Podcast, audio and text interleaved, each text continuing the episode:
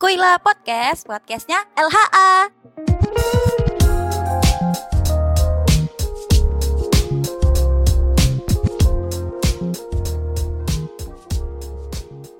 Ya, kembali lagi di Kuila Podcast. Masih bersama Kui-kui. saya Kui Kui. Lala,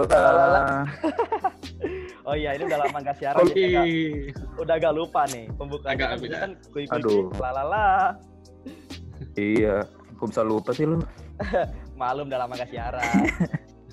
Masih bersama Oke. saya Arif Yusron yang siaran dari tempat yang berbeda karena kita masih menjunjung tinggi social distancing. Lalu ada teman Ma- saya juga. Juga Ada siapa di sana? Novian. Oke. Dan satu lagi Deka. Mantap. Oke, kita langsung aja dah nih, nggak usah yang ribet-ribet deh. Jadi kita mau bahas tentang masa depan. Ih, berat amat loh. Yo ilah, karena Masa depan, depan nih Iya, masa apa? depan apa nih? masa depan bagaimana cara kita mendidik anak biar peduli terhadap lingkungan. Widih, sosokan amat lu. Eh, coy, coy. Balik, Iya, balik. Ini ngomong-ngomong, dia dia mau ngomongin cara mendidik anak, tapi dia punya anaknya belum. Ya kan kita belajar dulu dari sini. Oh iya, benar, benar sih, benar, benar. Oh iya, kita nggak kita nggak cuma bertiga loh di sini loh. Ada siapa lagi nih? Oh ya, ini ada lagi nih. Ini kan kita bertiga kan dari bapak-bapaknya nih. Ada lagi dari ibu-ibunya nih. Siap, ibu-ibu. Yang pertama ada El Imas Laila. Coba El Imas Laila, mana suaranya? Iya, halo, selamat sore. Selamat sore. Selamat sore. Gimana kabar Iya. Imas? Eh, Alhamdulillah baik. Alhamdulillah. Alhamdulillah. Ada lagi nih teman kita nih. Ini dari duo Sumatera nih. Yang pertama ada Destia. Ya, halo. Hai Destia, gimana kabar? Baik, alhamdulillah. Alhamdulillah. Alhamdulillah. Ada Ini lagi nih. Destia Susanti. Destia Susanti. Ini Temannya Mei Mei. Susanti apa? Iya, Iya. Mei lagi. Kenapa Mei Mei? Ya kan temannya temannya di Upin Ipin Meme kan si Susanti itu. Susanti. Iya. Jadi Ini ada Mei lagi. Mei. Ada lagi Boleh, boleh. Teman kita dari Sumatera juga namanya Aulia Delviona yang biasa dipanggil Ona. Halo, selamat sore semua. Sore. Gimana Mantap. kabarnya Ona? Alhamdulillah sehat. Alhamdulillah. Oke, jadi gini nih, para ibu-ibu, kita harus pancing dulu dengan kalimat pertama. Gimana sih cara mendidik anak yang baik untuk anak kita ini biar peduli terhadap lingkungan? Kita mulai dari L dulu deh. Pembahasannya eh, ringan tapi juga berat ya. Eh, iya, terima kasih sebelumnya ya. Eh, ini Hmm. harus memperkenalkan diri dulu atau enggak nih? Langsung aja ya. Iya, langsung aja nggak apa-apa. Langsung. Eh, Oke teman-teman, eh, kita sharing aja ya. Kalau tadi misalkan eh, moderator atau host bilang, gimana sih cara kita mendidik anak supaya mereka eh, peduli sama lingkungan? Eh, mungkin kita eh, sedikit flashback ke belakang ya bahwa kita tuh harus tahu anak itu siapa sih. Nah saya, teman-teman tuh termasuk masih dalam kategori anak-anak atau belum. Nah jadi kalau misalkan dari undang-undang itu anak itu adalah seseorang yang emang dia rentan usianya itu dari 0 sampai 18 tahun. Itu yang dinamakan anak-anak. Jadi kalau misalkan pertanyaan Arif berarti eh, bagaimana nih cara kita eh, menimbulkan atau meningkatkan kepedulian si anak yang bisa kita bilang dari pra-TK ke sekolah sampai dia usia remaja. Nah gitu teman-teman ya. Eh, terus dari kesadaran lingkungan ini tidak terlalu daripada ibu mungkin na- nanti eh, ke depannya akan lebih sempit ya misalkan orang tuanya single parent Hmm. Ibunya aja ataupun ayahnya aja ataupun nanti bakal jadi karena dia tinggalnya di keluarga besar. Jadi adanya interaksi antara orang tua atau seseorang yang mengasuh eh, anak di dalam keluarga. Nah gitu ya. Terus gimana eh, caranya untuk menyadarkan kesadaran lingkungan? Jadi teman-teman kita tahu ya sebuah ungkapan bahwa anak itu pen- peniru ulung bagi orang dewasa Hmm. Nah, itu eh, memiliki sikap yang naturalistik atau dia peduli sama lingkungan itu sekian. Nah, terus kenapa sih eh, ada yang ada perbedaan nih? Ada anak yang emang dia punya kepedulian tinggi terhadap lingkungan, ada juga yang enggak. Ternyata sebabnya adalah em, menurut teori Howard dia ada yang ada kognitif, dia punya kemampuan secara verbal maupun bahasa. Tapi ternyata eh, menurut teori yang tadi saya itu ada delapan kecerdasan anak dan salah satunya itu adalah kecerdasan naturalistik. Apa itu kecerdasan naturalistik adalah eh, adanya rasa kecenderungan dari anak terhadap lingkungan. Nah, jadi mungkin kenapa ada anak yang dia lebih tinggi, terus kalau ada anak yang sedikit apatis mungkin dia tidak punya kecenderungan. Misalkan sekarang tuh udah udah ini ya, udah banyak kampanye kalau kita eh, mengurangi sampah plastik. Dan juga di beberapa sekolah tahun terakhir itu anak-anak tuh anak-anak itu sudah bawa botol minum sendiri. Mereka tidak jadi sekolah itu tidak menyediakan eh, air air mineral atau sekarang juga misalkan anak-anak disuruh eh, belanja dengan kantong eh, belanja sendiri. Jadi tidak pakai kantong belanja dari dari swalayan. Nah itu mungkin eh, sedikit eh, cara bagaimana bisa eh, cara konkret ya. Karena kan kalau kita ngomong ke anak yang apalagi anak yang saat sekolah itu kamu harus peduli lingkungan itu kayaknya terlalu berat ya. Jadi kita eh, bisa menunjukkan contoh sikap yang konkret kepada anak bagaimana peduli dengan lingkungan. Eh, Oh, Hmm, keren keren keren Keren, sih. keren, keren. Tapi Mantap. ini sih, ini gini cuy. Ini ya kan kenapa? ini ya tadi si El tadi bilang eh, anak itu kan peniru ulung ya. Peniru ulung kan eh, kalau kita lihat nih, wih jadi serius ya. Iya. Kan kalau kita lihat, Kalau bapak lihat yang nih. baik kayaknya ini nih. iya dong. Kalau kita lihat kita misal di SD tuh SD kan SD kan sekarang kalau yang SD negeri mungkin sampai jam 12-an ya jam 12 jam Iya. 1. Tapi kan kadang kalau yang eh, luar negeri Ite. yang swasta maksud saya, Mm-mm. iya. Swasta itu kan kadang bisa sampai sore tuh. Sampai sore terus apa namanya? eh apa na- eh, kita ketemu orang tua itu lebih sedikit daripada kita ketemu teman-teman gitu kan. Nah, gimana caranya? Kira kan orang tua nih udah ngomong, eh, wah kamu harusnya kayak gini, mencontohkan seperti itu. Tapi ketika di sekolah mereka ketemunya yang buang sampah sembarangan gitu. Gimana dong? Oh. Kalau menurut Destia gimana Destia? Jadi kalau menurut aku eh, itu tadi itu adalah eh, kebiasaan sih sebenarnya. Jadi dari orang tua itu eh, lebih kepada mengajarkan yang eh, meniru. Maksudnya gini. Jadi orang tua tuh mengajarkan eh, seperti contohnya adalah membuang sampah pada tempatnya gitu ya. Mencontohkan dulu, oh anak ini adalah kotak sampah. Jadi setelah makan yang ada plastiknya itu dibuang di kotak sampah. Di mana pun tempat mau di sekolah di rumah atau di lingkungan sekitar saat sudah eh, setelah jajan gitu ya itu bisa eh, sampahnya dibuang di kotak sampah. Nah itu dilakukan oleh orang tua yang eh, seharusnya menirukan apa sih kayak mengajak mereka menuntun mereka agar melakukan hal tersebut. Ini bukan hanya eh, berbicara gitu ya karena memang anak itu umumnya dia akan meniru dengan sesuatu yang tergambar di pikirannya dengan cara kita eh, Dengan cara ya dua jadi dengan cara benar ya jadi dengan Sinyal cara kayaknya nih. sinyal sinyal. udah jernih ya ya jadi dengan Mantap. cara kita dengan cara kita itu eh, melakukan hal-hal yang baik hal-hal yang positif. Jadi kayak eh, mengajak mereka ini setelah makan ini dibuangnya ke kotak sampah gitu. Jadi mereka akan terbiasa hal hal-hal tersebut.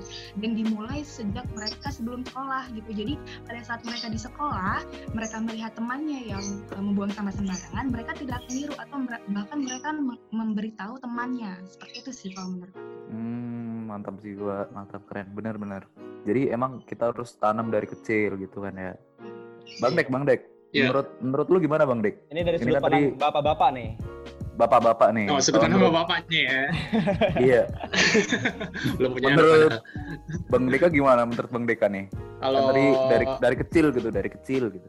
Hmm. Ah. kalau Gimana? dari aku sih kan eh, mungkin lebih ke arah segi eh, sering interaksi ya sama eh, anak-anak khususnya biasanya dari TK sampai SD. Untuk pendidikan lingkungan hidup. Mungkin lebih concernnya karena dari segi itu. Benar tadi kayak katanya Mbak El, uh, uh, apa tadi kecerdasan multi itu itu memang harus ditumbuhkan dari awal. Nah, uh, kesadaran itu kita nggak bisa sepenuhnya uh, bebanin ke guru gitu. Orang tua harusnya sebagai bagian terdepannya nih dalam pendidikan anak ini yang mengajarkan ataupun mengajak minimal mengajak anak itu uh, mengenal lingkungannya dulu.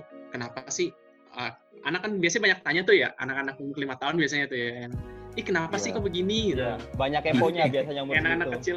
Iya kayak anak-anak kecil main tanah gitu kan. Bikin masak-masakan gitu. Ngalaman ya bukannya ini ya jadi jadi lebih uh, mengajarkannya nanti uh, kok harus menjaga lingkungan sih kok harus buang sampah di sini sih? Nah kita harus bisa siap dengan pertanyaan-pertanyaan tersebut. Misalnya oh kalau misalnya buang sampah di sini uh, nanti kalau kamu lewat lagi terus kamu jatuh kena sampah itu gimana? Atau coba kalau sampahnya banyak kita ngajarinnya kayak studi kasus yang sampah uh, organik misalnya. Oh kalau sampahnya banyak nanti bau loh. Oh masa sih? Ya udah coba kita biarin dengan hal tersebut uh, benar nggak dia merasa terusik terganggu nggak? Kalau dia merasa terganggu berarti itu kan nggak baik. Nah kita masuk dari situ. Oh ya hal ini nggak baik. Itu kita dasar-dasar dulu aja nggak usah sampai yang kita harus ngomong ke arah uh, oh harus uh, menjaga lingkungannya dengan menanam pohon dengan ini. Itu untuk anak-anak kayaknya terlalu jauh. Tapi iya. kalau untuk anak SD sendiri ataupun untuk uh, mulai dari SD sampai ke arah pubertas lah itu udah mulai bisa kita ajak ke arah yang lebih jauh lagi daripada cuma sekedar membuang sampah pada tempatnya mengurangi sampah sampah-sampah ataupun aktivitas yang menimbulkan sampah karena pun uh, jujur pernah tahu pernah dengar anak uh, homeschooling kelas 6 SD dia bahkan bisa sampai mengajak teman-teman homeschoolingnya dengan membuat suatu komunitas untuk mengamati burung di sekitar kompleknya. Begitu. Dan ini ini pun hasil didikan dari orang tuanya yang uh, mensupport anaknya terus mengajarkan anaknya mulai dengan membawa dia ke taman. Karena kebetulan kalau nggak salah ibunya dari salah satu komunitas lingkungan hidup terkait uh, ruang terbuka hijau. Anaknya sering diajak terus anaknya mulai ada ketertarikan dan disupport. Sampai-sampai anaknya untuk bisa pengamatan burung mau ikut konferensi bahkan udah ikut konferensi ya untuk anak segitu udah buat artikel. Uh, bahkan dia buku dia itu untuk pengamatan burung di sekitar kompleknya saya lupa di mana itu sampai dapat dana uh, ada yang mendanai lah. Mungkin ini hasil ya ini salah satu contoh hasilnya bagaimana anak yang sudah sadar akan pentingnya uh, lingkungan dan orang tua yang mendidik anaknya untuk menjaga ataupun uh, ke arah uh, pelestarian lingkungan gitu sih. Oke, keren banget ini nih. Ya, siapa nih yang mau nanya nih? Ona, Ona mau nanya nak? Aku dong. Oh ya, silakan Ona. Jadi gini, uh, dari sosial media nih, aku ngeliat kayak banyak nih anak-anak selebgram atau anak artis itu sejak usia dini bukan usia dini kayak umur satu tahun atau sampai lima tahun tapi dari umur eh, enam bulan anak-anak itu eh bayi itu sudah di uh, digiring untuk uh, sekolah sekolah di uh, kumpulan kayak anak-anak bayi gitu. Jadi mereka diajarkan kayak pengenalan cara-cara uh, pengenalan. Ya banyak hal lah yang Nah, katanya itu memang dibutuhkan sejak kecil. Jadi di sini aku um, mau nanya nih, emang uh, pendidikan yang sebenarnya itu memang ditimbulkan uh, dibutuhkan ketika anak itu usia enam bulan, apakah baik untuk uh, perkembangan uh, perkembangan si anak tersebut? Sedangkan kan yang kita ketahui bahwa pendidikan yang uh, awal itu sebenarnya berasal dari keluarganya, terutama dari ibunya. Kan ada ungkapan bahwa uh, madrasah pertama itu adalah orang tua, terutama ibu kan. Iya iya. Jadi aku di sini meminta pandangan uh, sebenarnya baik nggak sih eh, anak bayi umur tiga bulan sampai eh, sekitar tiga bulan sampai 10 bulan lah itu sudah disekolahkan Berarti masih Hmm. kecil banget tuh ya. ya Oke nih, siapa nih? Dari L dulu deh. Gimana L? Coba L. Iya, eh, saya menanggapi ya. Jadi sebenarnya gini teman-teman, Eh, pendidikan itu kan long life education ya. Jadi dia itu bahkan anak-anak itu bisa kita kasih pendidikan itu dimulai daripada eh, anak dari rahim. Kan teman-teman suka, suka mendengar ya kalau misalkan ibunya misalkan eh, sering mendengarkan anaknya hafalan Quran atau sering mendengarkan anaknya musik atau ibunya sendiri yang sering eh, membaca itu eh, kebanyakan pasti anaknya nanti bakal seperti itu. Nah, mengenai pendidikan, benar tadi kata Ona ya, bahwa pendidikan pertama adalah pasti keluarga dan itu kebanyakan eh, adalah ibu atau orang tua. Kemudian kalau sekarang ada fenomena eh, anak selegram yang disekolahkan, baik atau enggak, eh, kita kembali kepada konsep pendidikan itu sendiri ya. Di sini eh, mungkin sa- saya menilai tidak semua ibu mungkin mampu untuk menimbulkan atau eh, mengembangkan delapan kecerdasan tadi punya anak. Kalau misalkan eh, contohnya misalkan eh, artis seorang artis misalkan dia background pendidikannya cuma eh, background pendidikannya itu misalkan dia artis penyanyi otomatis kan mungkin input tentang pendidikan keluarga atau anak kan kurang. Akhirnya dia memilih jalan lain untuk mensekolahkan anaknya ke dalam eh, baby care atau lain sebagainya. Itu menurut saya baik eh, bisa-bisa saja karena mungkin orang tuanya tidak mampu untuk memberikan pendidikan seusia eh, dini oleh dirinya sendiri gitu. Jadi terus eh, sekarang sudah banyak kok eh, pendidikan bayi gitu ya atau apa sih namanya baby care atau school school ba- baby lah pokoknya itu yang emang sudah sesuai dengan standar eh, perkembangan bayi itu sendiri. Itu sih menurut aku. Jadi eh, baik selama emang yang diajarkan itu sesuai dengan eh, perkembangan si bayi tersebut. Eh, karena emang setiap tahap itu harus harus banyak sekali eh, kemampuan atau kecerdasan anak yang harus ditimbulkan. Hmm, kalau kalau menurut aku nih, kalau menurut aku sih ini sebagai calon bapak asik. Eh, mantap nih, Jadi- calon bapak. Eh, kalau masih umur tiga berapa sih di sekolah itu berapa sih tiga tahun ya? Eh, Tiga tahun. sekolah TK gitu ya 4 sampai 6 tahun mulai Kalau sekolah. yang sebelum itu sebelum itu kan ada PAUD lagi tuh ya? yang lebih kecil. Oh iya PAUD, itu Pak PAUD. PAUD ya. ha. Sebelum PAUD juga ada lagi sebenarnya kayak kalau nggak salah ada lagi. Bimba ya? apa gitu. Toddler. Ada kan?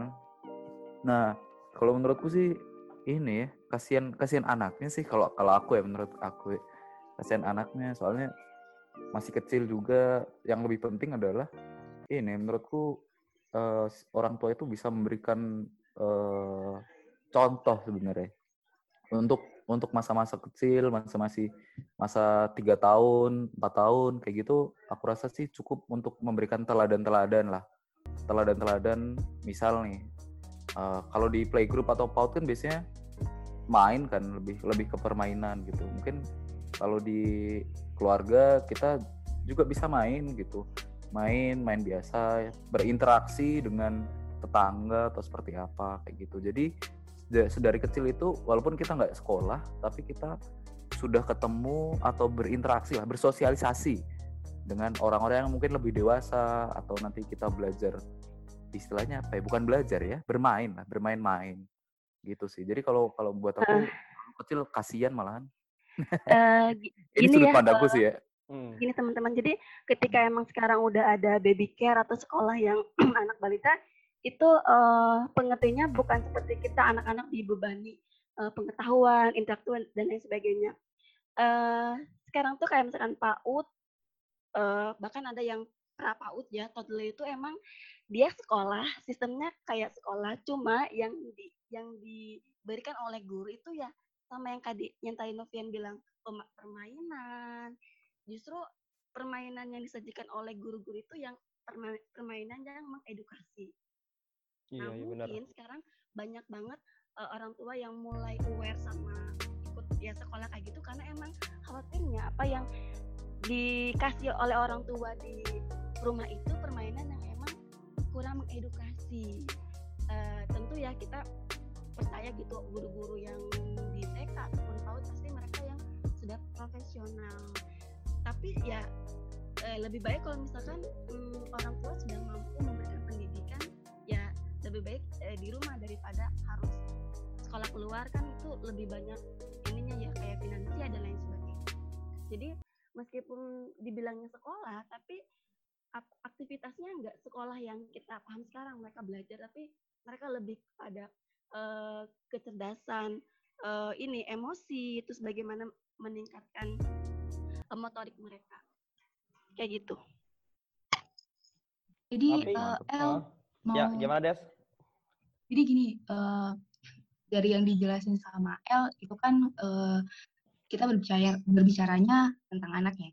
Gimana dengan orang tuanya? Apakah pentingnya parenting bagi orang tua itu haruskah orang tua itu memiliki pendidikan pendidikan yang tinggi atau berilmu lah gitu untuk bisa eh, membantu anak menumbuhkan karakternya gitu atau bahkan yang orang tua tidak berilmu pun atau tidak berpendidikan yang tinggi itu mampu apakah ada perbedaan di antara kedua orang tua itu gimana Eh. El atau Mas Deka atau Novian mau jawab Ya, eh, boleh ya sayanya. Ya Jadi silakan. Le.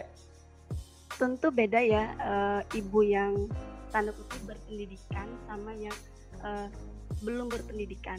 Cuma eh, konotasi pendidikan ini kan apa nih yang, yang kita yang kita tangkap apakah pendidikan yang secara formal dia mengenai pendidikan SD, SMP sampai S? Nah itu kan secara formalitas saja Da- dan itu pun tidak tidak menggambarkan dia seorang ibu yang profesor atau S3 kemudian dia mampu untuk memberikan pendidikan yang baik kepada anak. Jadi mungkin pendidikan di sini adalah bagaimana ibu tersebut itu mau mengembangkan diri.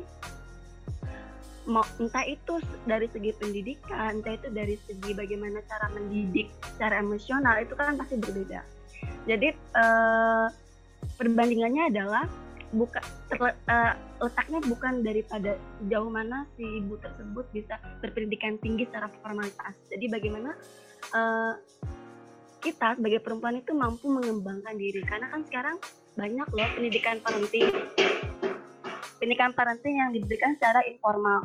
Seminar-seminar itu kan eh, secara singkat mungkin ya buat ibu-ibu yang nggak sempat kuliah dulu itu bisa ngikutin em, tentang bagaimana cara mendidik anak yang baik dan lain sebagainya.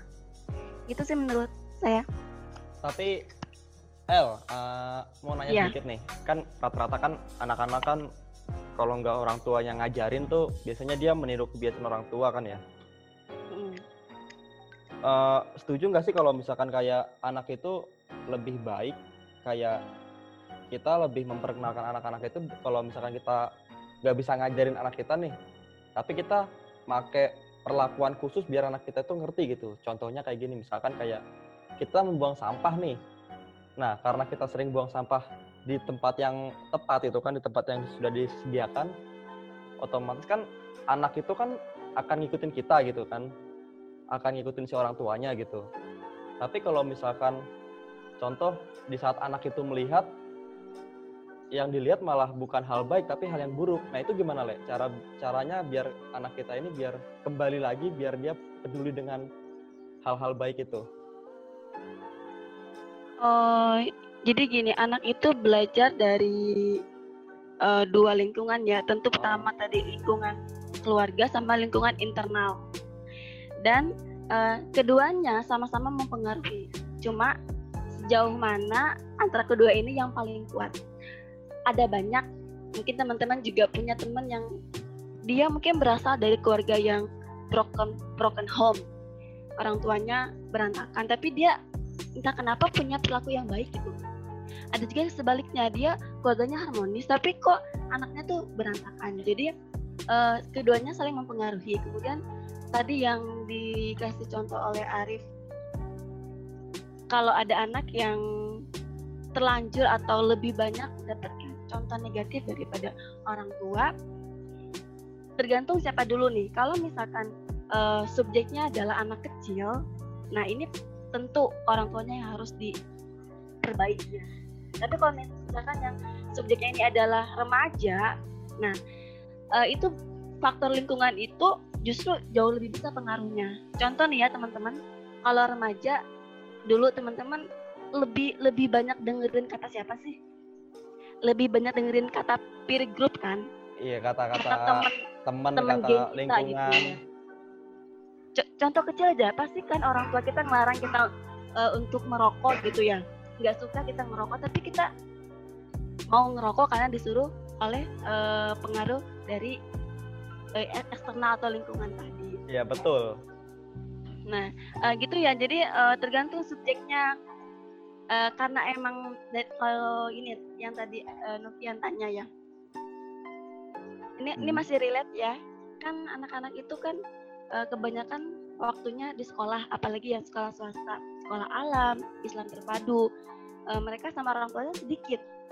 Nah teman-teman uh, ada ada stereotip ya katanya uh, anak-anak yang disekolahkan di sekolah alam atau sekolah Islam terpadu yang mereka tuh full day school itu justru uh, cara orang tua untuk memberikan pendidikan yang mereka tuh terbaik.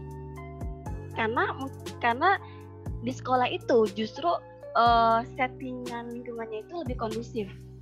Anak-anak uh, di mana-mana misalnya ada tulisan jangan buang sampah sembarangan atau mereka ketemu buang sampah sembarangan sama gurunya dipelototin atau ditegur gitu ya. Terus kalau misalkan emang ada uh, ada yang di luar kendali ada anak yang buang sampah sembarangan tapi kalau di sekolah itu jauh lebih bisa dikondusifkan terus di, di rumah itu adalah aktualisasinya.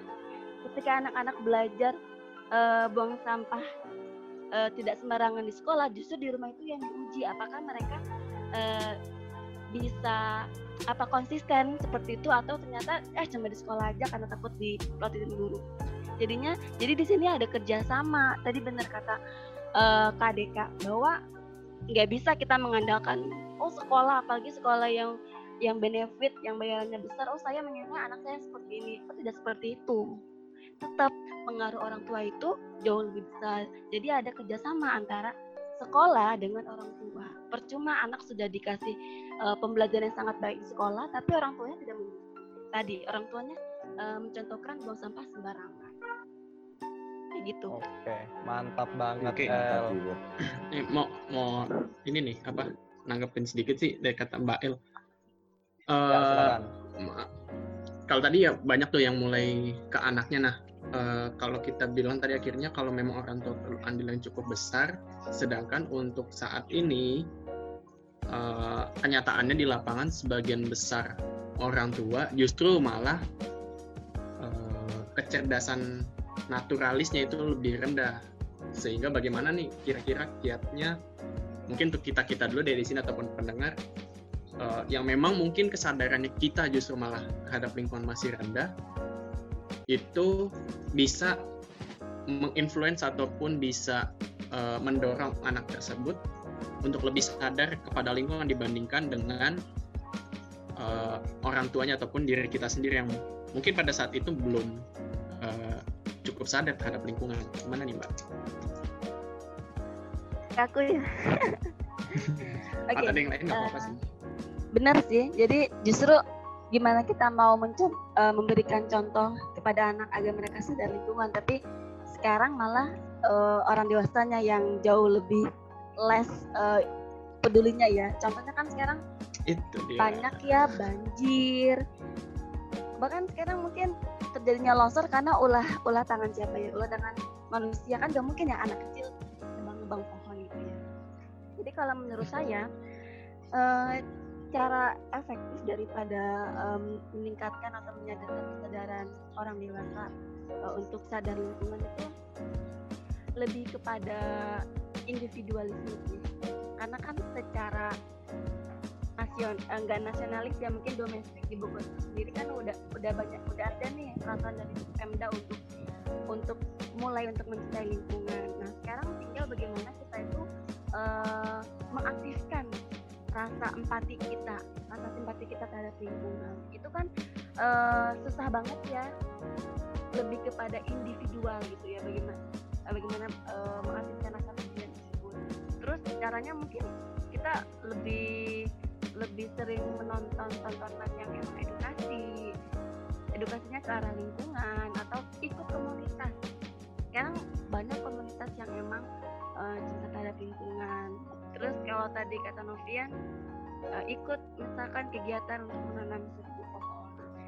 Mungkin itu sih yang bisa dilakukan oleh kita gitu orang tua. Setuju sih El. Setuju banget. Aku mau nambahin dong. Ayo boleh dulu dah Destia dulu dah atau Iya. aku Eh, silakan silakan. Eh, silakan, silakan, silakan. Jangan rebutan, jangan rebutan. kalau dari kalau dari El tadi sih aku setuju banget sih ya jadi memang eh, da- harus dari orang tuanya dulu harus dari orang dewasanya dulu yang eh, peduli atau care dengan lingkungan sih maka dari itu jadi kalau anak sifat anak adalah peniru eh, orang tuanya gitu jadi seharusnya orang tuanya itulah yang bersikap atau memberikan perilaku perilaku yang positif justru. Jadi mereka akan eh, mau nggak mau kan melihat yang baik gitu jadi mereka akan meniru hal-hal yang baik. Nah itu tadi orang-orang dewasa dan orang tua itu benar harus peduli dan care dulu dengan lingkungan baru anaknya bisa niru hal-hal yang baik dari orang tua. Itu sih bener El gimana nih Ona aku mau nanggapin nih pernyataan dari El tadi mengenai video edukasi. Jadi eh, aku setuju sih dari eh, video edukasi itu memang membantu anak-anak untuk belajar tentang peduli lingkungan. Jadi eh, aku pernah ngeliat nih eh, dan emang udah banyak sih contohnya sekolah-sekolah SD maupun TK itu sudah menerapkan pembelajaran eh, peduli lingkungan. Jadi Uh, salah satu contohnya itu dengan memberikan video edukasi tentang peduli lingkungan. Jadi uh, ketika anak itu sudah menonton uh, tentang uh, video peduli lingkungan, dia akan menerapkannya pada uh, kebiasaannya sehari-hari. Misalnya ketika, misalnya contoh videonya itu tentang uh, sampah plastik yang dibuang uh, ke laut dan uh, sampah plastik itu dimakan oleh hewan laut yang ada yang hidup di uh, laut tersebut. Jadi uh, dari uh, makna video tersebut, anak-anak bisa tahu kalau uh, penggunaan plastik yang secara berlebihan akan berdampak pada uh, kerusakan ekosistem laut. Dan uh, hasil dari pembelajaran yang dia dapatkan ketika sekolah, dia uh, yang aku lihat nih ya, uh, dia uh, memberikan me, mana ya dia menceritakannya kepada ibunya dan dia malah mengajarkan ibunya nih kalau mah jangan uh, banyak-banyak uh, gunain plastik ya. Nanti kalau belanja gunain uh, tasnya eh gunain jangan gunain plastik tapi gunain tas tas, tas dari uh, dari kain gitu untuk meminimalisir penggunaan plastik karena kasihan dong itu hewan-hewan di laut makan uh, plastik yang kita pakai sehari-hari. Jadi secara tidak langsung penanaman karakter itu bisa ditimbulkan dari uh, hal-hal kecil seperti menonton video edukasi. Dan juga ketika di rumah uh, orang tua juga menerapkan contoh lain. Ya tadi sudah disebutkan juga kalau dengan cara membuang sampah. Ini anak-anak itu juga bisa meniru kalau buang sampah ketika sudah uh, ketika sudah ada sampah uh, harus dibuang ke dalam tempat sampah. Selain contoh tersebut, ada lagi contoh seperti kayak mengajak anak-anak itu untuk berkebun.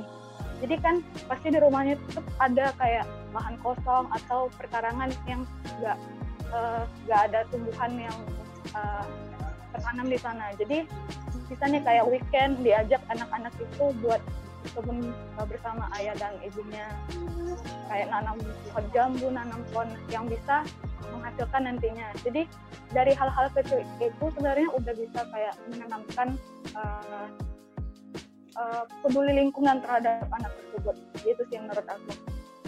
Tapi setuju nak tentang video edukasi yang kita kasih ke anak-anak tuh ya. Karena pas kemarin lagi musim-musim lockdown tuh kan. Nah itu jadi iseng-iseng di rumah itu bercocok tanam. Dan ternyata ponakan gue ngikutin. Tertarik gitu kan dia. Kan? Heeh, dia tertarik gitu kan. Mas, aku minta bibit dong, kata dia gitu kan. Bibit apa? Ajarin aku tanam-nanam, kata dia gitu kan. Itu ponakanku itu ada tiga di rumah. Yang paling kecil itu kelas eh, umur 4 tahun, sama satu lagi kelas 5. Akhirnya itu yang umur 4 tahun sama yang anak kelas 5 SD. Dia ngambil kayak skop gitu, skop kecil. Terus dia gali-gali di rumahnya sendiri, ditanemin sampai dan umur besar dua minggu dia bibitnya keluar itu dia seneng banget nah dari situ saya berpikir gini kok oh ternyata anak kecil itu di saat kita melihat hal baik dan terus dianggap sama anak kecil itu sesuatu yang menyenangkan pasti diikutin sama mereka gitu. Dan sekarang alhamdulillah di saat kebun saya ini saya tinggal udah beberapa minggu itu ponakan saya yang ngurus gitu. Jadi ada benefitnya juga. Kebun tetap hidup yang ngurusin ponakan. Apa juga tuh pernah is, eh, satu waktu lagi balik kampung kan ya, terus ketemu ponakan. Coba bedanya ini nih kalau Arif kan apa berkebun ya. Kalau Iya. saya kan senangnya senangnya ngebolang gitu. oh ya Iseng-iseng nyari keluar. Iya. Jadi iseng tuh malam-malam di kampung kalau pagi biasanya eh, pengamatan burung. Kadang-kadang kalau ada yang udah bangun biasa ikut. Tapi pernah tuh sekali malam iseng udah niat banget bawa kamera, bawa headlamp, bawa senter. Bang, mau ke mana? Mau nyari kodok. Buat apaan kan kalau orang mikir mau nyari kodok buat apaan mau malam-malam ya. Iseng banget gitu. Tapi untungnya mereka mungkin karena masih penasaran kali ya. Terus Ah. akhirnya mau dong ikut gitu. Ya udah ikut kita keluar. Terus ya kodok itu kita foto, kita lihat. Oh ternyata banyak ya beda-beda ya gitu. Mm-mm. Kalau menurut mereka kita bisa membawa itu hal yang menyenangkan, ya mereka akhirnya juga tertarik sampai akhirnya pas itu hari pertama, hari kedua, justru bukan saya ngajakin malah ponakan saya bang, ayo keluar lagi nyari kodok lagi. Ya kesenangan di Nah, nyari itu. kodok gitu. bener jadi kayak ketagihan gitu bang jadi kayak apa ya kalau kita mikirnya sih udah dewasa gini kayak ya udahlah kalau udah numbuh ya udah gitu kan tinggal kita ambil hasil panennya dan ponakanku itu sekarang kalau misalkan kayak aku pulang ke rumah tuh selalu bilang gini mas ada bibit lagi nggak ayo kita tanam lagi ya kita mau aja gitu cuman nggak ada tempatnya doang gitu bahkan dia sampai ngerengek minta pot sama bapaknya gitu ya tapi ya bener sih berpengaruh banget sih kalau emang kayak kita ngasih contoh yang baik buat ke anak tuh Kayaknya Lebih perlu hal-hal itu dibawa sih. menyenangkan. Ya. benar benar, benar benar. banget Oh, Menyenangkan. pernah juga aku eh, tadi kalau kata Mbak El ada sekolah alam, aku pernah eh, nge-guiding jadi fasilitator anak sekolah alam. Itu acaranya itu kita camping, kemah di satu tempat dan mengenalkan gitu tentang eh, lingkungan mulai dari eh, pengamatan terus bagaimana eh, ternyata daun yang mati itu bisa loh dipakai untuk jadi kerajinan, dibikin apa? Eh, yang diwarnain lah, yang dibikin prakarya lah gitu. Bahkan sampai waktu itu anak-anaknya ku ajarin untuk bagaimana caranya ngebuat jejak hewan ataupun eh, melihat jejak hewan pakai gipsum. Nah itu seru aja tuh ngeliat anak-anaknya yang apa ngaduk-ngaduk gipsum sampai belepotan terus habis itu di- dituangin kan ke jejak-jejak yang udah kita buat terus dia dia liatin bahkan sampai eh, nanti ya sore kita lihat kita ambil lagi. Gitu. Terus pas lagi istirahat anak-anaknya datang kak kapan bisa dilihat lagi ngambil lagi? Gitu. mereka nungguin gitu. Nanti ya. Eh kebetulan hujan. Terus besok paginya kita lihat kita cek eh punya siapa nih? Ada yang udah jadi gitu. Mereka senang gitu. Dibawa pulang dinamain punya mereka. Jadi kayak ada kebanggaan tersendiri. Benar banget tuh Eh, iya, Eh, teman-teman tadi yang cerita dari Arif sama eh, Kak Deka tadi sadar nggak itu ternyata teman-teman itu eh, sudah memberikan contoh bagaimana eh, anak-anak itu harus meningkatkan tadi kecerdasan naturalistik mereka. Itu tadi kayak dengan cara berkemah atau dengan cara teman-teman eh, mengajak mereka berpetualang di kebun ataupun di di sawah dan lain sebagainya itu itu cara-cara efektif untuk mereka tuh biar aktif eh, kecenderungan mereka terhadap eh, alam. Nah, sini eh, buat anak ya, buat anak eh, ada tuh beberapa cara bagaimana kita meningkatkan eh, kecerdasan naturalistik mereka. Pertama, eh, anak itu kita biarin un- untuk mereka tuh main dengan teman sebaya.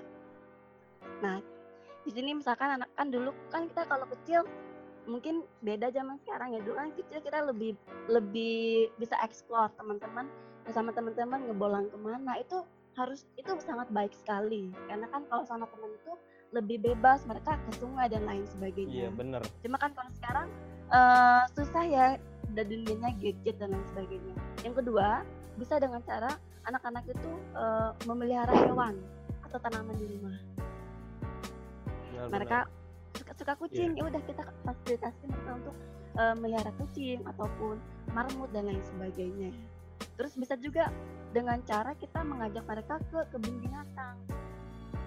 Itu kan bu- bukti konkret ya oh ini loh eh, gajah ini loh jerapah. Jadi mereka jadi kayak oh ini eh, bentuknya hewan ini oh ini ada bunga bangkai itu yang katanya besar. Mereka melihat eh, dengan konkret itu. Terus atau bisa juga eh, membuat kegiatan ini keluarga ya kemah gitu kemah keluarga ke mana. Sekarang kan sudah banyak tuh spot-spot yang emang dijadikan eh, untuk kemah dan lain sebagainya. Terus yang terakhir hal simpel sih ini kita bisa mm, mengajak anak untuk mereka itu menggambar pemandangan alam. Ini bisa kita genjot di anak usia dini ya. Mereka kan lagi seneng senengnya tuh menggambar mewarnai. Itu kita harus arahkan ke atas ke arah yang natural mereka dikasih gambar gunung sawah atau laut bukan yang sebaliknya mereka menggambarnya misalkan sekarang kan sudah robot dan lain sebagainya itu sih mungkin beberapa kiat eh, supaya anak-anak itu tumbuh rasa cintanya kepada alam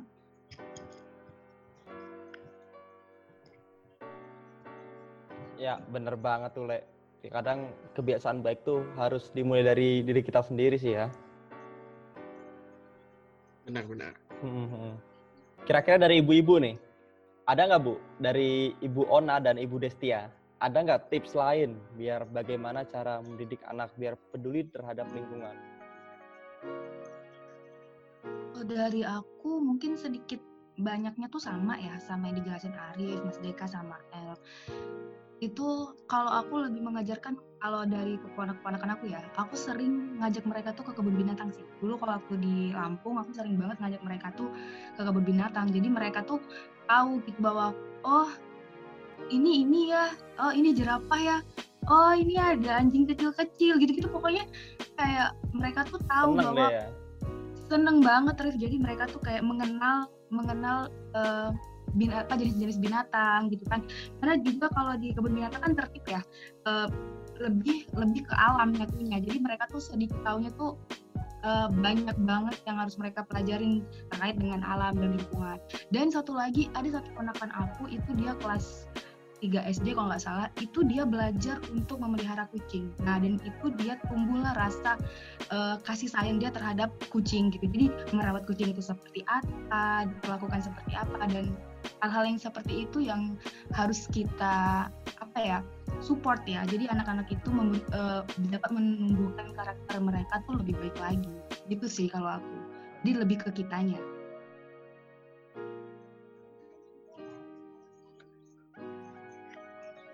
Iya, bagus banget. Gimana kalau dari Ibu Ona nih? Ada nggak Ibu Ona tips yang bisa buat mengajak anak biar bisa mengedukasi terhadap lingkungan gitu? Kalau dari aku sebenarnya sama sih secara keseluruhan, tapi dari uh, beberapa yang aku lihat nih, terutama dari uh, sepupu aku, kalau aku lagi pulang kampung, itu biasanya meminimalisir penggunaan gadget. Lagi zaman sekarang nih, anak-anak sejak kecil itu emang kayak kebanyakan itu lebih diberikan gadget ketika dia lagi rewel. Misalnya uh, ketika dia nangis lebih banyak di, uh, diberikan gadget untuk menenangkannya. Jadi uh, uh, saudara uh, keluarga aku itu uh, dia menerapkan kayak uh, kalau udah bangun tidur jadi kayak diajak keluar melihat uh, lingkungan gitu. Jadi nggak langsung ngeliatin gadget. Pokoknya kita nggak megang gadget di depan dia gitu. Nggak boleh sering-sering megang gadget di depan dia. Jadi kita banyak uh, ngajak dia mengeksplor dunia luar. Kayak melihat uh, sawah melihat uh, burung yang lagi terbang pagi hari. Atau uh, kan kalau zaman sekarang nih yang sudah dibilang uh, yang sudah dibilang tadi sama El tadi anak zaman sekarang itu kayak uh, jarang banget nih yang buat mengeksplor lingkungan kayak main kotor. Kalau zaman kita kan itu kayak main ke sungai itu udah biasa gitu dari kecil. Jadi nggak ada salahnya sebenarnya itu anak-anak dari usia dini itu dibiasakan buat kayak main kotor atau main ke sawah, main lari-larian gitu. Karena itu merupakan salah satu cara buat dia mengenal lingkungan.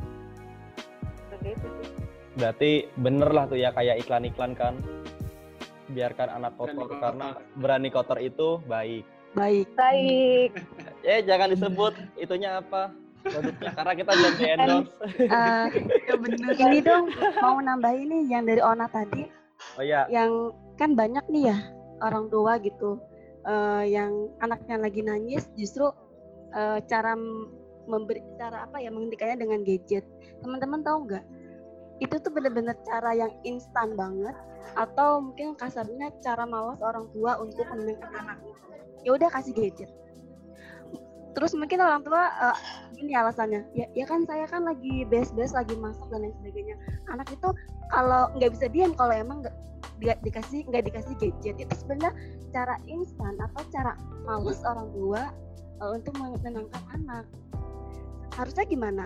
Ya harusnya orang tua yang menenangkan. Jadi teman-teman kebayang nggak? Eh, kita tuh lagi lagi nggak tenang lagi nangis tiba-tiba ditenangkannya oleh ba- barang elektronik. Itu kan pasti eh, emosional anaknya itu ke orang tua ke ibu tuh bakal bakal les banget. Jadi kalau misalkan nanti dewasanya dia nggak nurut sama orang tua itu mungkin dulu itu ketika anak-anak tuh ingin disentuh hatinya oleh orang tua ayah atau ibu justru mereka memberikan eh, sentuhan oleh gadget ataupun elektronik. Nah cuma eh, jadi makanya eh, orang tua itu khususnya ibu ya harus lebih melatih kesabaran. Justru ketika anak lagi rewel ya apa pun deh caranya untuk menenangkan anak itu eh, lewat ibunya jangan lewat gadget. Terus eh, terkait fenomena anak milenial sekarang ya sekarang tuh mulai nih eh, ada eh, ajakan untuk anak-anak tuh untuk bersepeda. Lagi nih ya sekarang lagi in banget nih anak-anak bersepeda. Itu mungkin salah satu efek Lagi ngetren Mm-mm, supaya, supaya mereka eh, bisa menjalani kehidupan yang lebih sehat. Kan dari sepeda juga mereka bisa melihat alam dan lain sebagainya. Cuma eh, jangan sampai mm, kegiatan ini tuh jadi hanya sebatas untuk media sosial. Oh nunjukin doang status cuma ngetren gitu ya. Yang ngetren harusnya lebih daripada itu sih Oke, tadi udah banyak tuh ya apa eh, penjelasan dari segala macam yang hadir di sini. Mungkin Mantap banget. eh, nanti selebihnya bagaimana disimpulkan bisa balik lagi kali ya eh, ke pendengar mau dengerin boleh, nggak mau nerapin ya juga silakan gitu. Nah, ya itu tujuannya kan. Kita cuma sedikit mengedukasi aja. Benar, oke. benar. Benar. Terkait dengan tema kita hari ini untuk eh, pendidik eh, bagaimana mendidik anak terutama untuk pendidikan lingkungan hidup kepada anak yang paling penting itu dimulai dari orang tuanya dulu bagaimana meningkatkan eh, ketertarikan si anak khususnya nanti ke arah eh, lingkungan gitu kalau sudah tertarik anak-anak itu pasti mau deh eh, tanpa disuruh pun dia pasti udah akan melakukan itu dan akan bilang sendiri kok ke orang tuanya tanpa kita iming-imingin lagi tanpa kita eh, dorong-dorong lagi jadi dimulai dari orang tua supaya nanti bisa bagaimana anaknya ke depan bisa berjalan secara mandiri untuk lebih sadar terhadap lingkungannya. Mantep banget. Mantap jiwa. Gokil banget sih. Oh dari Kira-kira, ah, gimana gimana? Arif nih, Arif, Arif, Oh dariku nih. Arif deh. Iya, dari Kalau tadi. Dari aku sih, dari aku sih kasih contoh-contoh yang baik lah ke anak-anak tuh. Contohnya kayak kita buang sampah yang pada tempatnya, sama tidak merokok depan anak juga itu bagus banget tuh. Ya pokoknya kita kasih contoh yang baik lah. Simple karena dari contoh yang baik itu akan berdampak panjang buat si anak juga pastinya. Seperti itu sih. Hmm. Dari kamu gimana nih? Kamu nanya doang lagi. Iya. Dibalikin lagi.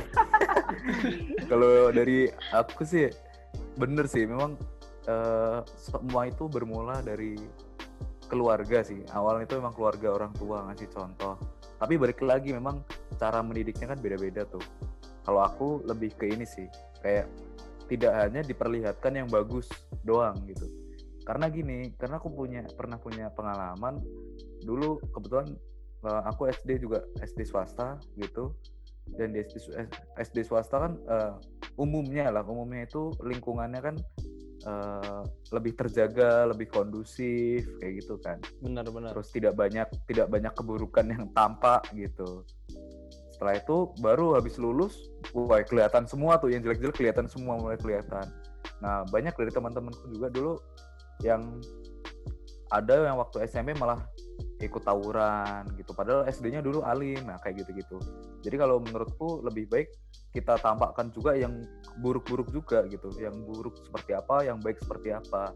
Baru kita kasih pendekatan-pendekatannya yang uh, mengarahkan ke yang baik. Kayak gitu sih. Jadi ya semua tergantung orang tuanya gimana termasuk kita yang baru masih muda-muda ini walaupun kita Iya. punya- belum punya punya anak Calon, ya kita calon. harus belajar juga eh bener Nih, banget Dari calon tadi kan ini kan kita dari calon bapak semua nih. Gimana kalau dari sudut pandang calon ibu nih? nah calon ibu gimana calon ibu Kita coba dari Ona dulu coba.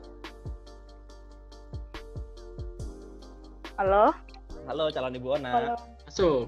Masuk, masuk. masuk calon ibu. Eh, emang iya kan? iya, iya. Semua wanita kan calon ibu. ya iya. Mungkin calon bapak. Kalau kalau dari aku sih sebenarnya sama dari yang udah dipaparkan tadi. Eh, semua itu dimulai dari orang dari orang tuanya itu sendiri. Apakah dia punya bekal untuk peduli lingkungan sebelumnya atau enggak? Jadi ketika dia sudah punya bekal untuk peduli lingkungan, otomatis dia bisa menerapkannya untuk anaknya dimulai dari usia dini. Karena kan usia dini itu merupakan usia emas untuk anak-anak eh, mencontoh apa yang menjadi kebiasaan orang tuanya. Karena pendidikan karakter itu eh, dengan menumbuhkan kebiasaan-kebiasaan kecil tersebut akan berlangsung eh, secara terus-menerus dari kecil hingga dia dewasa. Karena eh, kita juga sebagai orang tua bisa memberikan contoh-contoh kecil seperti membuang sampah atau berkebun. Kita biarkan dia mengeksplor eh, lingkungannya, tapi tetap kita tetap dalam pengawasan kita sebagai orang tua.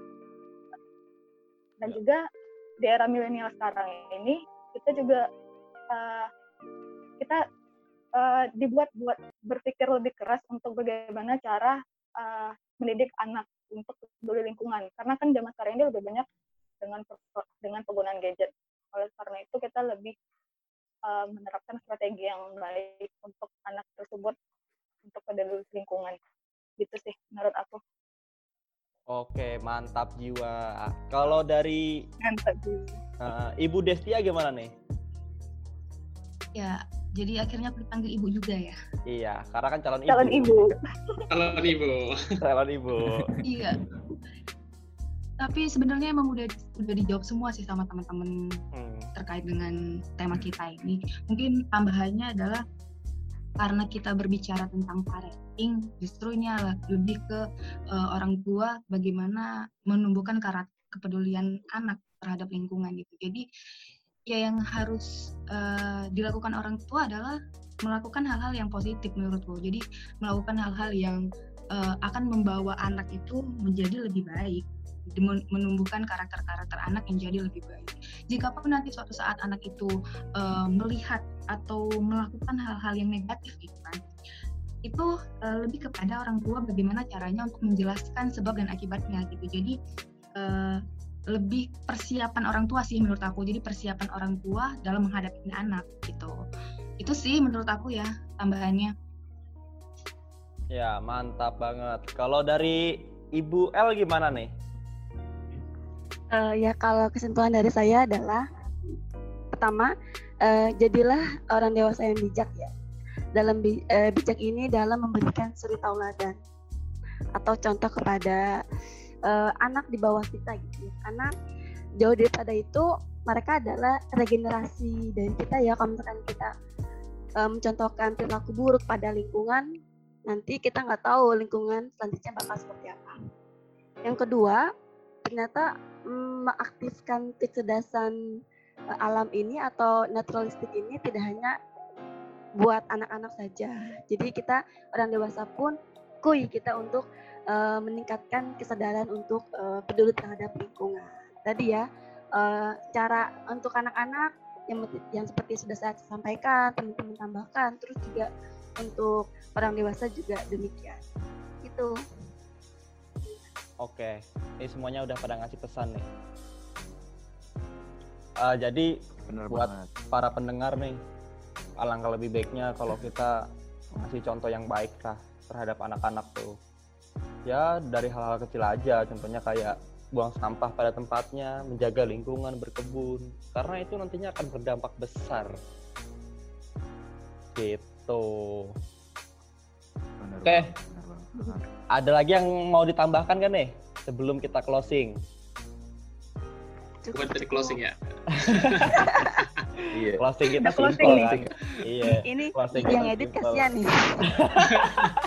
yang edit kasihan Oke, ada terima kasih edit-edit. buat para pendengar semuanya yang udah mendengarkan kita dari awal sampai akhir. Semoga dalam podcast kali ini kita bisa memberikan manfaat yang besar buat kalian semua. Dan kalian Mantap. para pendengar selalu diberi kesehatan, kelancaran, dan apa pun yang selalu didoakan agar lekas terkabul oleh Tuhan Yang Maha Esa. Terima kasih buat semuanya. Amin. amin Pamit. Waalaikum. Eh, wassalamualaikum warahmatullahi wabarakatuh. Eh, kita belum pamitan nama loh. Kita pamitan nama apa? Pamitan nama apa nih? Ya, seharusnya pamitan nama ya. Oh ya, pamitan nama aja dah. Oh Oke. ya. Ya udah. Kita pamitan nama dulu. pamit. Kita pamitan nama ya. Ini ntar kita nggak diedit loh. Bercanda yang tadi pasti masuk. Gak apa-apa lah. Eh, Kita ngobrol santai kok. Oke, kita santai. Oke, saya Arif. Saya Deka. Saya saya- Novian. Iya. Iya. Ayo. Oke, ulangin, ulangin, ulangin, ulangin. Dari yang ini dulu aja urut-urut dari yang Dari paling Urutan, senior. Iya. Oh iya, dari paling senior. dia bicara umur dong Yo, gimana dong ini? Ayo, dari saya deh. Ayo, Iya. eh, ayo lagi. Ya, ayo Saya- ngapain saya Arif. Saya El. Saya Saya Deka. Desti ya. Eh, Iya. Udah Satu apa lagi tadi lu udah. sebutin dah. Nggak bisa. Satu lagi. Oke, dari kerabat kerja yang bertugas ada saya Arif Yusra Nafifi, Novian, Novian Nah, Prahandi Kusuma. L. Imas Laila, Desia Susanti, dan Ide Kaputra pamit undur diri. Terima kasih. Ona semuanya. belum, Ona. Ona belum Eh, disebut. Ona udah, aku nggak disebut dong udah tadi Para para Arif. Anak-anak Ada kami. Takban Ona. Oke. Oke. Kalau ada semua pendengar jangan lupa dengerin video eh, podcast-podcast kita selanjutnya. Tetap di Oke. Kuila Podcast. Oke, terima Kui, kui, kasih. kui. La la la. Lalala, makasih.